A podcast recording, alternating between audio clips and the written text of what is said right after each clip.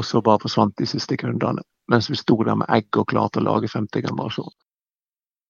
Vi spoler 10-12 år tilbake i tid.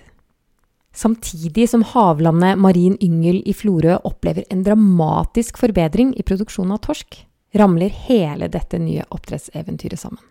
Likevel valgte Halvor Hovland og kollegene den gangen å fortsette arbeidet med å avle frem torskeyngel. Dette er Tekfisk, podkasten om teknologi og forskning i sjømatnæringa. Mitt navn er Kjersti Kvile, og jeg har snakket med Hovland om en helt unik reise, og om en næring som nå ser ut til å kunne reise seg igjen. Halvard Hovland, du er daglig leder i Havlandet Marin Yngel. Hva er det dere holder på med? Havlandet Marin Yngel driver med produksjon av torsk og med produksjon av berggylt. Vi driver med stamfisk, vi driver med, med klekking, med startfòring og produksjon av yngel og også noe settefisk av de, de to artene. Eh, vi starta først og har lengst erfaring med produksjon av torsk. Og anlegget ble, eh, her ble designa i år 2000, ble bygd i 2001. Og den første torsken ble klekt og startfòra 6.4 i 2002. Og da starta vi eh, til liks med eh, vel 20 andre yngleanlegg eh, i Norge fordi vi var svært mange som hadde tro på at torsk skulle bli den neste store oppdrettsarten eh, i Norge. Ja, og ble det det? Eh, ja, for en veldig kort stund, da. Eh, produksjonen den, den, økte jo, og eh, volumene tok, eh, tok, av fram til 2007-2008. Da ble næringa ramma av eh, en rekke kriser, utvendige globale, i tillegg til biologiske og andre utfordringer i, uh, i næringa. Som gjorde til at den, uh, det ble et konkursras og uh, en veldig tap av kapital. Og de aller fleste bedriftene de gikk enten konkurs eller ga seg i løpet av en periode på en tre til fire år. Til dess man da kom i 2013-2014, og vi da var den eneste aktøren igjen i, i Norge og helt sånn først da, den, den yngelen eh, som dere har avla på, hvordan har utviklingen vært på den? Nei, i, um, allerede i, i, 2003 så så vi jo det at um, torsken uh, vokste ikke så godt i merdene som det man hadde antatt når man gikk i gang. Da hadde man jo prognoser, man hadde forventninger som gikk på en, en rekke biologiske parametere. Og så ser en jo det at um, her er det jo svært lite som blir sånn som prognosene. Fisken vokser ikke like godt. Han har problemer med, deformiteter, feilutvikling på fisken. Han kjønnsmoner altfor tidlig. Det var en, en, rekke også biologiske utfordringer. Og for oss ble det åpenbart, for vi var jo da yngel og settefisk og matfiskoppdretter, at her er vi nødt til å starte med, med avl så raskt vi kan og jobbe så målrettet som vi bare kan, hvis vi skal rekke å, å, å redde den bransjen her gjennom forbedra produksjonsegenskaper og en, og en temma eh, fisk. da. Så, så eh, det arbeidet starta vi ganske middelbart. Og vi henta da inn eh, to eh, kysttorskbestander. En fra Borgundfjord, altså Ålesund, og en kysttorskpopulasjon fra, fra Hordaland.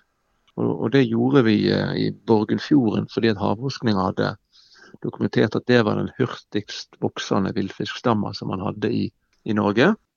Og så gjorde vi det i Hordaland fordi at der var det en eh, lokal gründer som drev med oppdrett av, eh, av eh, torsk i liten skala. Og han hadde da individ som vokste veldig godt i de små merdene sine. Og slik at de fikk testa villfisken i merd i et oppdrettsmiljø, og så hvem er det som trives og spiser, og hvem er det som ikke trives av villfiskene. Før vi da setter de inn i fangenskap, så vi fikk en en presjekk på dem i, i, havet før vi tok dem inn på, på land. Og, og torskeyngel er vel litt mer avansert enn en lakseyngel, f.eks.? Ja, torskeyngelproduksjon er jo kanskje ikke det mest krevende, men det som kommer før, det er jo når de er en liten larve. Og før de har utvikla seg nok til å bli en, en, en yngel. Laksen han er jo et embryo til dess han klekker, og da er han en yngel. Mens torsken er jo da um, ei larve i store deler av den første fasen. Og det er jo egentlig bare et embryo som har kommet ut av egget, og da kaller man det ei larve. Så den er 1500 ganger mindre enn en laksen når den klekker. Og, og um, det, det, er krevende på mange måter, ikke minst når det gjelder um, fôr, at man må lage planteplankton som mat til dyreplankton, og dyreplankton som mat til, til torskelarven. Sånn at det er et intensivt økosystem da, som man må kontrollere for å, å beherske den yngelproduksjonen. da. Og så nevnte du nå den forrige runden eh, på torskeoppdrett i Norge. Dere fortsatte arbeidet selv om alt bare raste sammen rundt dere. Hva er grunnen til det? Det er jo kanskje det, det mest spesielle med, med, vår historie. da, At vi gjennom eh, første, og andre, og tredje og fjerde generasjon um, Og det var jo der vi var når næringa på en måte bare rakna fullstendig. Da sto vi klar til å begynne å klekke femte generasjons torsk. Og, eh, og så bare forsvant de siste kundene. Mens vi sto der med egg og klarte å lage femte generasjon. Så um, da hadde vi opplevd en dramatisk forbedring i produksjonsegenskaper. Hvor tam den fisken her hadde vært, hvor robust den hadde vært, og hvor fiskehelsa hadde forbedra seg. Eh, samtidig som næringa i fullskala i bransjen bare, bare, knakk sammen. Og Da eh, stilte vi oss jo en del spørsmål. Eh, I hvor stor grad skyldes det torskens eh, egnethet som oppdrettsart at næringa nå knekker ryggen? Og hvor, hvor stor grad skyldes det feil strategier på markedsføring, på produksjon, salg, eh, andre Altså dårlig timing på, mot villfisk og, og, og en, den vegetabilske revolusjonen som kom på fòrråvaresida, som man bare måtte hive seg på på torsken uten å ha den kunnskapen man hadde på laks, osv. osv. Eh, og vår konklusjon ble at eh, en, en, fisk som vi har klart å endre egenskapene så mye i positiv retning på så kort tid, den vil komme tilbake. Spørsmålet er ikke om, spørsmålet er når. Og skal vi ta det materialet som er helt unikt i verdenssammenheng, og slå det i hjel, slakte det ut, så er det ingen som har ryggrad til å avle opp igjen alle de årene uten å sette i sjø, for materialet er ikke godt nok, fram til man når knekkpunktet for kommersialisering, og så kan begynne å drive en kommersiell produksjon. Så vi valgte um, da eh, å drive videre år etter år etter år og tape penger hver bidige dag på å videreutvikle avlsmateriale og avle og kjøre større produksjoner annethvert år. Og da sanere ut den fisken vi ikke trengte til standfisk. Sånn at når eh, da i, i 2020, når, når eh, næringa begynte å røre på seg igjen, så hadde vi da eh, sjette generasjons avkom å, å, tilby eh, oppdretterne. Men hvordan kan man få til det å tjene, nei, å tape penger i, i så mange år? Det, det, gjør man selvfølgelig hvis man har noen helt spesielle eiere som er langsiktige, industribyggere og gründere, og som tenker, tenker langsiktig. Um, så vi, har, um, vi er heldige og har noen eiere som, som uh, selvfølgelig er da uh, helt spesielle, og som hadde det lange perspektivet uh, og var villig til å, å gjøre det. Og um, ikke bare må det jo være vilje, det må selvfølgelig òg være evne. Og, og evnene fikk vi jo gjennom at vi som en del av INC-gruppa en, en industrigruppe som driver mye forskjellig, deriblant drifter oljebasen Fjordbase i Florø, da hadde midler fra annen aktivitet å investere i, uh, i det her. Skal det òg sies at uten at vi um, fikk uh, interesse for, for oppdrett av berggylt som lusespiserfisk til lakseoppdretterne, og sånn sett fikk da en um, en, en bedre økonomi gjennom å kunne utvikle en ny art og, og, og, begynne å produsere den, så hadde det nok blitt, blitt for tøft uansett. Men den modellen med, med å avgrense tapene og ramme inn tapene på, på torsk, eh, som er investering i, i, i framtida, eh, og, og, resten av anlegget drifter under, under, under bæregylt, gjennom at vi òg eh, med hjelp av Mattilsynet fikk en seksjonering og en driftsmodell som gjorde til at vi fikk lov å drive med de to artene i kombinasjon. Og det har jo vist seg å være en suksess i disse årene. Så, så, så klarte vi å, å avgrense og, og, de årlige eh, tapene, slik at vi, vi eh, kunne husholde og, og, gjøre det her. Eh, men det, det, er klart det var en vanskelig tid. Det var ingen som hadde, hadde tro på oss, opplevde vi. Verken i det offentlige eller i det, i det private. Sånn at det var voldsomt eh, tilfredsstillende når vi, eh, kunne dokumentere at vi fikk, vi fikk rett. Torsken kom tilbake, og, og avlen har endra forutsetninger. Vi har rett og slett gjort noe med forutsetningene for å drive torskeoppdrett. Ja, for nå har dere store planer. Kan du ikke fortelle om dem? Vi har absolutt store planer, og, og ikke bare store planer, men vi, vi, vi drives stort. Vi, vi har en leveranse i fjor på, på 3 millioner torsk, og vi, vi passerte 4,5 millioner nå i, i, høst på et innlegg.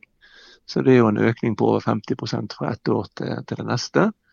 Og for tre dager siden var vi så heldige å få konsesjon på settefisk av, av torsk. Den første ras, så resirkuleringskonsesjonen på, på torsk i, i Norge. Og så det er jo da eh, planene i, i, eh, det korte bildet. Vi bygger et nytt yngelanlegg for torsk nå som skal stå klart om ett og et halvt år. Bærgylt kan få sitt eget anlegg, torsk kan få sitt eget anlegg. Så det blir en oppskalering der. Vi bygger et settefiskanlegg som skal produsere da inntil en 1200 tonn med settetorsk i året. Eh, kunne levere da settetorsk helårlig til, til kundene som trenger det for å kunne levere matfisk helårlig til, til sine kunder. Og så ikke minst de, de riktig store planene våre om å produsere torsk helt fram til eh, slakt på land på, på, i et resirkuleringssystem. Der har vi et stort industriområde her på fjordbase som er allokert til det. Så vi ønsker å levere yngel og settefisk til de uh, kundene våre som, vi, uh, som driver i sjø, og, og, og vår egen landbaserte satsing. Da på, eh, på, på minimum 10 000 tonn. Da. Eh, da sitter vi med vår egen genetikk i havlandsstammer og, og yngelproduksjon og settefiskproduksjon og matfiskproduksjon frem til slakt integrert i en lukka landbasert verdikjede lokalisert på en lokalitet. Når eh, er dere kommet dit da, tror du? Det, det, er jo det store spørsmålet og det vi jobber for hver dag at skal bli, skje fortest mulig.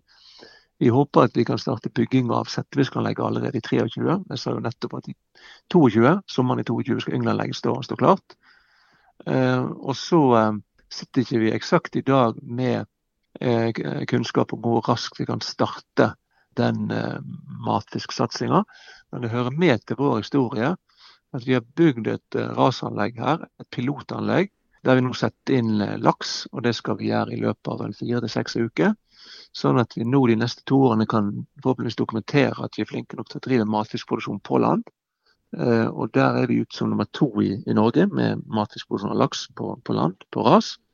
Og den kunnskapen uh, er jo verdifull nok for seg sjøl innen, innen, laks, men den vil jo uh, definitivt gi oss kunnskap om, om torsk, landbasert matfiskproduksjon. Og vi har òg planer for etterbruk av det anlegget da, til torsk i matfiskproduksjon. Så vi kan teste det i pilotskala, dvs. Si inntil 200 tonn i, i, året. Sånn at vi, vi eh, eh, kan eh, dokumentere det vi holder på med, og forhåpentligvis òg bygge mer optimalt enn om ikke vi hadde den, eh, den, pilotfasen her. Hvor store investeringer er det snakk om da?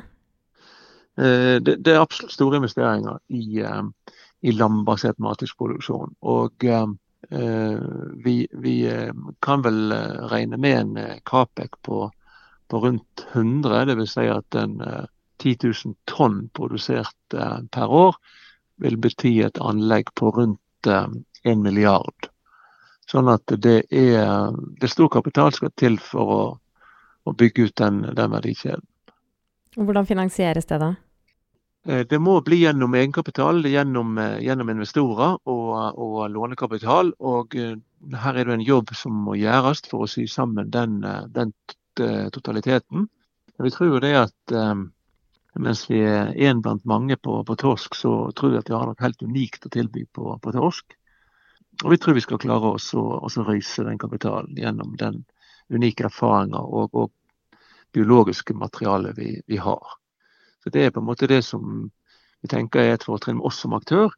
Samtidig som vi har veldig tro på at konseptet er landbasert med lite miljøfotavtrykk, lite utslipp, unngå rømming. Um, så det, det å ha, få til en sirkulærøkonomi på land med planer der vi ønsker å bygge en hydrogenfabrikk nå, et annet selskap i, i industrifamilien vår som gjør det. Der vi har spillvarme og mye oksygen som vi kan bruke. Det er Rundt 85 av det som kommer ut av en hydrogenfabrikk, er faktisk eh, oksygen, et avfall der, men som vi kan bruke direkte inn i vår, vår produksjon. Og vi snakker jo kanskje om 6000 tonn med oksygen som går i, året på, på, en sånn fabrikk. Sånn at eh, ja, gjennom å være unik over torsk, gjennom å tenke bærekraft, sirkulær økonomi, og, og, og gjerne òg være, være fornuftige på det med merkevarer og, og, branding og sertifisering, så, tror vi at vi skal kunne klare å få til noe unikt her i, i Florø. Sånn generelt, hvordan er norsk torskeoppdrett rigga sammenligna med forrige runde?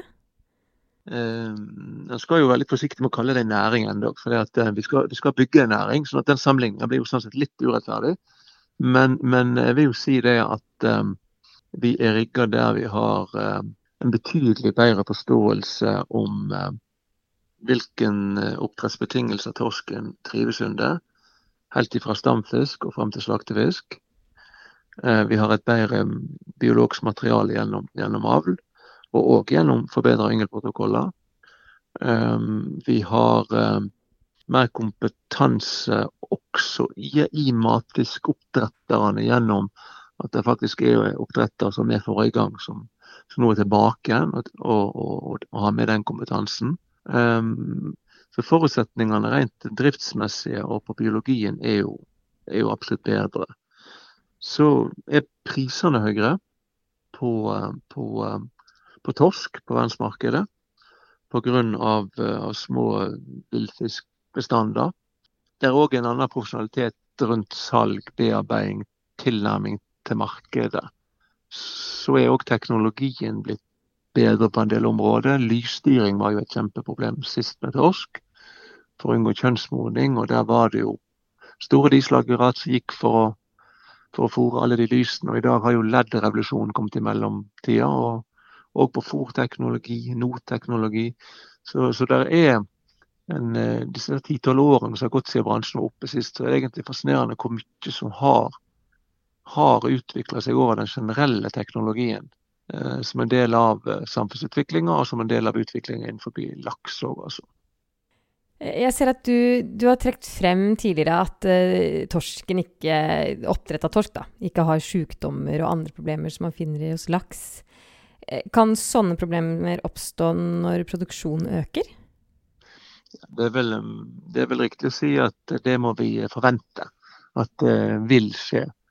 Sånn at eh, En av de få positive tingene som kom ut av en, en kollaps, kanskje den eneste, var vel at vi fikk brakklagt eh, eh alt av lokaliteter, resipienter. Og eh, slik at når vi nå eh, forsøker å bygge opp igjen eh, det her til å bli en næring, så, så har vi screening ut av all yngel før den går ut i verdikjeden. Etter de sykdommene som man erfarte sist. Og så har man da ikke smitte i, i resipienter og lokaliteter. Men, men, det er klart at med en økende tonnasje og, og, aktivitet, så må vi være budd på å ehm, håndtere det her eh, sånn som laksen har måttet gjort det. Og det å være svært våken på, ehm, gjennom å forebygge gjennom måten man driver på, og òg det å leite etter, etter agens og, og, og være tidlig ute, og, og også i vaksineutviklinga. Der har det jo òg skjedd en utvikling med vaksineprodusenter. De er raskere i stand fra du har en sykdom til du har en vaksine. Den utviklingen går raskere. Men eh, vi må være budd på at eh, det kommer, eh, at det kommer utfordringer eh, basert på erfaringer med andre, andre arter i, i oppdrett. Sånn helt til slutt, da. Eh, hvor tror du torskeoppdretten er om si ti år, da? Jeg er vel blant de som tror at torsk vil bli veldig stort på, på sikt. Men at eh, det her vil ikke gå rett til himmels, men at vi kan få et, et lakse, lakseforløp der det, bygger marked hvert et eneste år. Og at torsken på sikt kan bli eh, Kanskje like stor som laks er i Norge i dag. Um, men da, tenker jeg 20-30 års perspektiv på, på det. Så forhåpentligvis hvor vi er om ti år, det er fryktelig vanskelig å spå. Altså det, det, er det. Men en eller annen plass imellom ingenting som i dag, og, og det perspektivet nettopp trakk opp. Forhåpentligvis er vi på god vei da, at vi har eh, så med helårlige leveranser og at vi har eh, oppdrettstorsken etablert som et, et, eget produkt. og Både i bearbeidede og, og ferske, ferske varianter. Da får vi eh, snakkes igjen om ti år, så ser vi hvor dere er da. jo, gjerne det. Gjerne det. så da, takk så langt. Takk selv. Du har nå hørt på Tekfisk, podkasten om teknologi og forskning i sjømatnæringa. Forrige uke snakket jeg med Elin Tveit Sveen. Hun er daglig leder i familieselskapet Marø havbruk, og fortalte om hvordan de holder lusetallene nede, til tross for at de opererer i et område med høyt smittepress. Den finner du i Spotify, iTunes eller der du vanligvis hører på podkast. Vi høres!